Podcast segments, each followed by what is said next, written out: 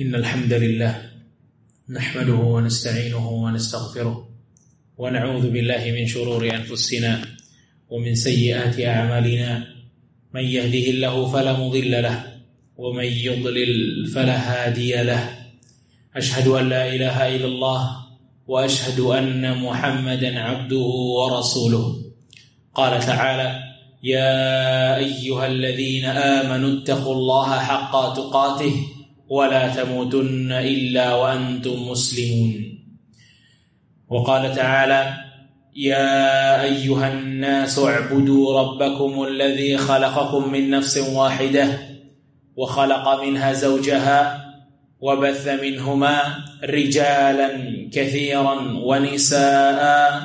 واتقوا الله واتقوا الله الذي تساءلون به والأرحام. إن الله كان عليكم رقيبا. وقال تعالى يا أيها الذين آمنوا اتقوا الله وقولوا قولا سديدا. يصلح لكم أعمالكم ويغفر لكم ذنوبكم. ومن يطع الله ورسوله فقد فاز فوزا عظيما. أما بعد فإن أصدق الحديث كتاب الله. وخير الهدى هدى محمد صلى الله عليه وسلم وشر الأمور محدثاتها وكل محدثة بدعة وكل بدعة ضلالة وكل ضلالة في النار أما بعد أخوة الكرام أعزكم الله para jamaah Jumat yang semoga Allah Subhanahu wa taala berikan rahmat dan diterima amal ibadah kita. Ikhwatal kiram a'azakumullah. Ada sebuah hal yang dibicarakan oleh para ulama yang mungkin kita sedikit unik mendengarnya. Sebagian para ulama mengatakan hindari mempersilahkan orang untuk masuk ke saf pertama. Hindari mempersilahkan orang untuk masuk saf pertama. Kenapa? Karena saf pertama di dalam salat itu sangat besar sekali di hadapan Allah Azza wa Jalla. Rasul kita sallallahu alaihi wasallam sampai mengatakan lau ta'lamun au ya'lamun. Kalau saja kalian tahu atau mereka tahu ma fi saffil muqaddam apa yang ada dari ganjaran saf yang selalu lebih di depan? La qur'ah. Mereka lebih ingin untuk diundi agar semuanya bisa mendapatkan tidak main dulu-duluan. Namun ikhwadah, itulah soft pertama. Itulah soft yang lebih depan. Makanya di sini di sebelah kanan terutama Anda melihat banyak soft yang kosong, ahsannya maju. Lebih maju lagi. Yang soft-softnya kiranya hadapan di hadapannya masih kosong untuk mengisi soft depannya yang lebih maju.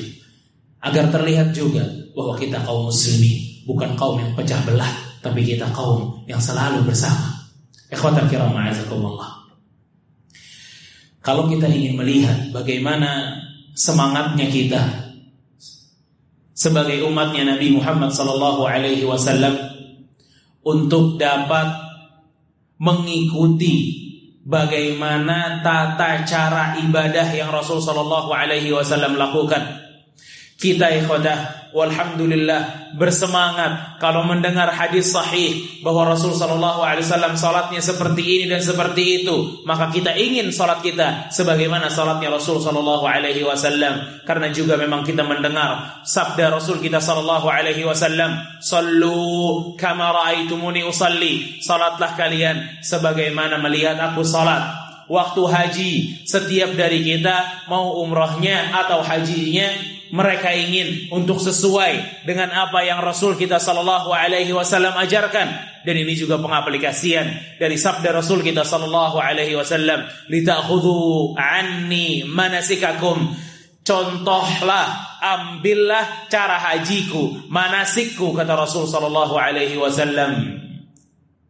Namun di sisi yang lain pada saat kita benar-benar memfokuskan konsentrasi diri kita untuk bisa mengikuti bagaimana rukuknya Rasul SAW, bagaimana sujudnya Rasul Sallallahu Alaihi Wasallam, bagaimana berdirinya Rasul sallallahu alaihi wasallam, bagaimana i'tidalnya Rasul sallallahu alaihi wasallam, namun kadang kita lupa untuk mengikuti hatinya Rasul sallallahu alaihi wasallam pada saat sedang beliau salat.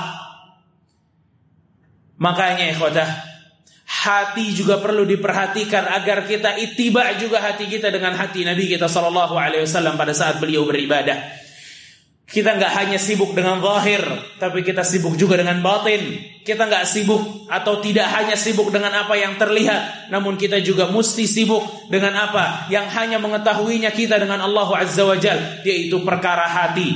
Bukankah dalam riwayat Abu Dawud Rasul sallallahu alaihi wasallam mengatakan innar rajula la yansarifu min salatihi sesungguhnya ada orang-orang yang selesai dari salatnya wa ma kutiba alaihi dan tidaklah pahalanya illa usruha tusu'uha thumunuha subu'uha sudusuha kata Rasulullah SAW kecuali pahalanya hanya sepersepuluh sepersembilan, seperdelapan, sepertujuh.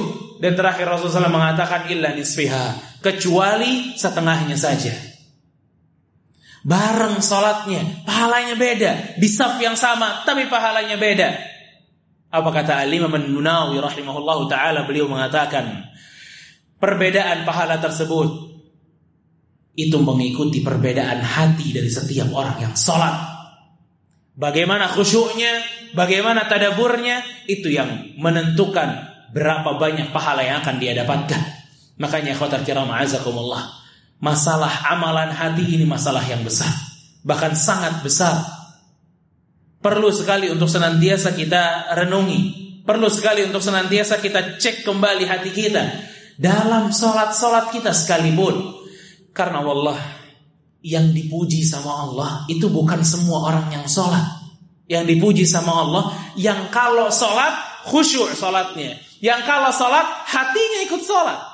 Sebagaimana yang Allah katakan dalam surat Al-Mu'minun. Qad aflah al-mu'minun alladzina hum fi salatihim khashi'un. Kata Allah Azza wa Jal, telah berjaya, telah berbahagia. Siapa? Orang mukminun. Seperti apa mereka?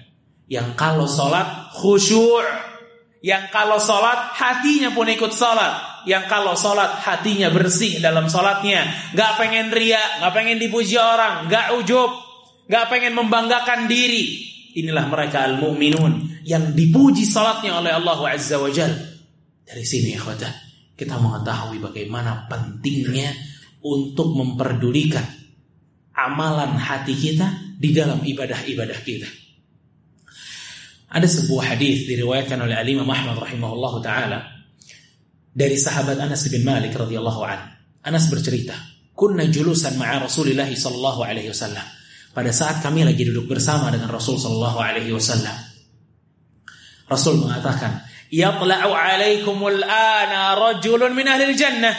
Akan muncul kepada kalian seseorang dan dia adalah penduduk surga.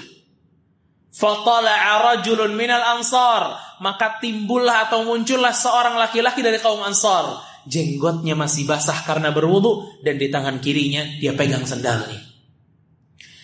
Di hari besoknya, pada saat para sahabat sedang duduk-duduk kembali bersama Rasul kita Shallallahu Alaihi Wasallam, Rasul kembali mengatakan, "Yatla'u alaikumul ana rajulun min ahli jannah."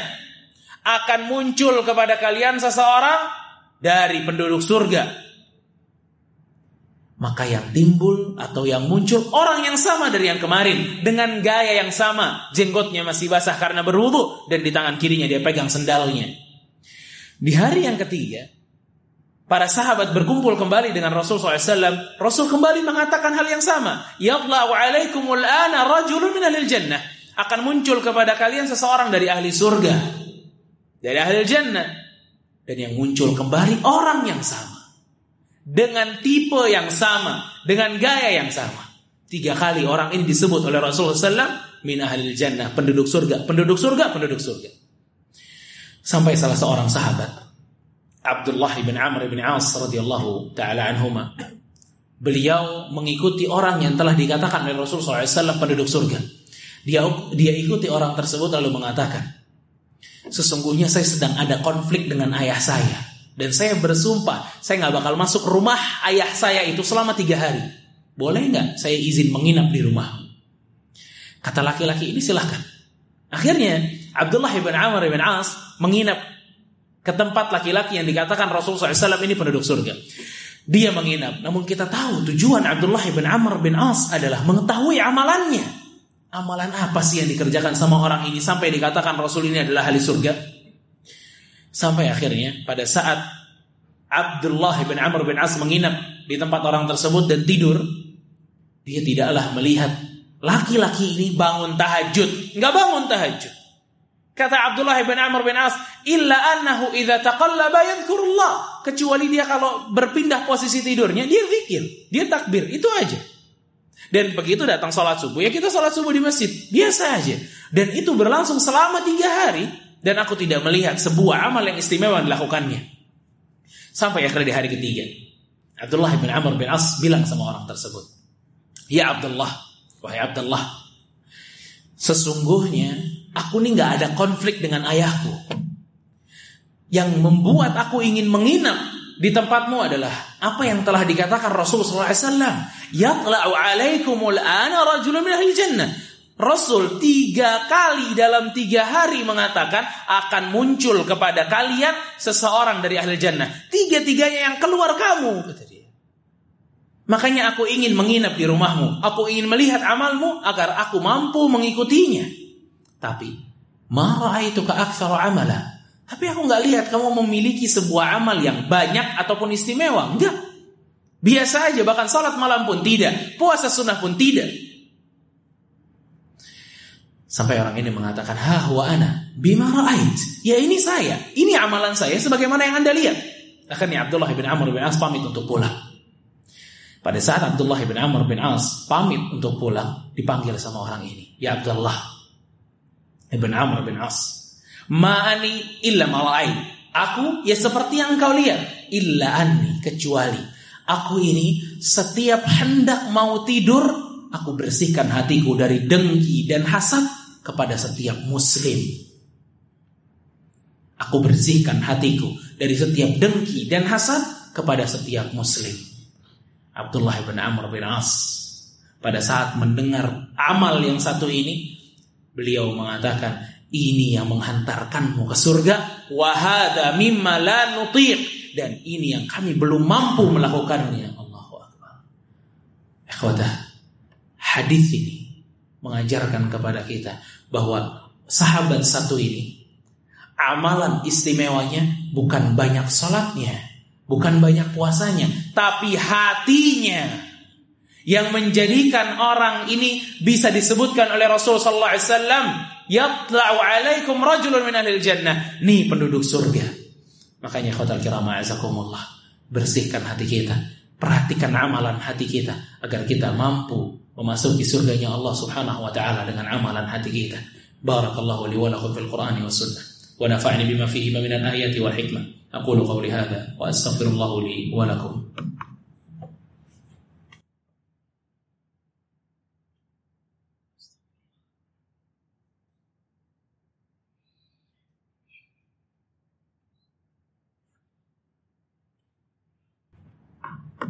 الحمد لله الحمد لله العزيز الغفار الواحد القهار والصلاة والسلام على نبينا مصطفى المختار وعلى آله الأطهار وأصحابه الأبرار أما بعد إخوة الكرام أعزكم الله Mungkin sebagian dari kita pernah mendengar bahwa Rasul sallallahu alaihi wasallam bersabda, "Law anfaqtum kalau kalian nih berinfak satu gunung Uhud emas satu gunung Uhud emas diinfakkan di jalan Allah ma balagha mudda ahadihim wala tidak akan pernah kalian mengalahkan pahala sedekahnya sahabat yang hanya satu genggam saja satu genggam dengan satu gunung Uhud emas tidak bisa, tidak mampu mengalahkan sedekahnya para sahabat.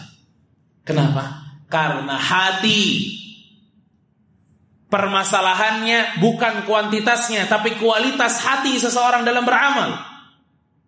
Abu Bakar bin Ayyash rahimahullah taala seorang tabi'in mengatakan kepada para tabi'in yang lain, sesungguhnya kalau amalan kalian mau dibandingkan dengan amalannya Abu Bakar, secara kuantitas, secara banyaknya salat, secara banyaknya puasa, kalian bisa menyaingi dia. Tapi yang menjadikan kalian berbeda dengan Abu Bakar adalah dengan sesuatu yang ada dalam hatinya Abu Bakar. Iman. Hati yang membedakan. Makanya ikhwatal kiram azakumullah, enggak mesti, enggak selalu seseorang yang bersedekah 10 juta itu bisa menang dengan orang yang bersedekah walaupun 20 ribu. Karena masalahnya di hati.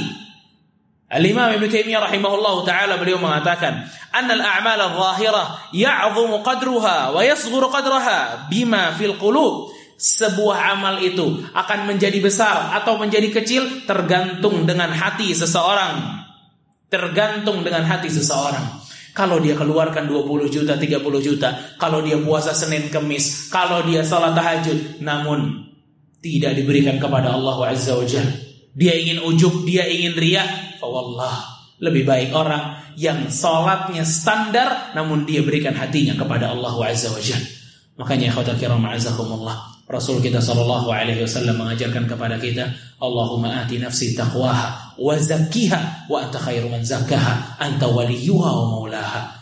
Ya Allah, berikanlah kepada hatiku ini ketakwaan dan bersihkanlah dan engkau adalah yang paling baik untuk membersihkan hati. Engkau yang memiliki hati ini dan engkau juga yang mengawasi hati ini.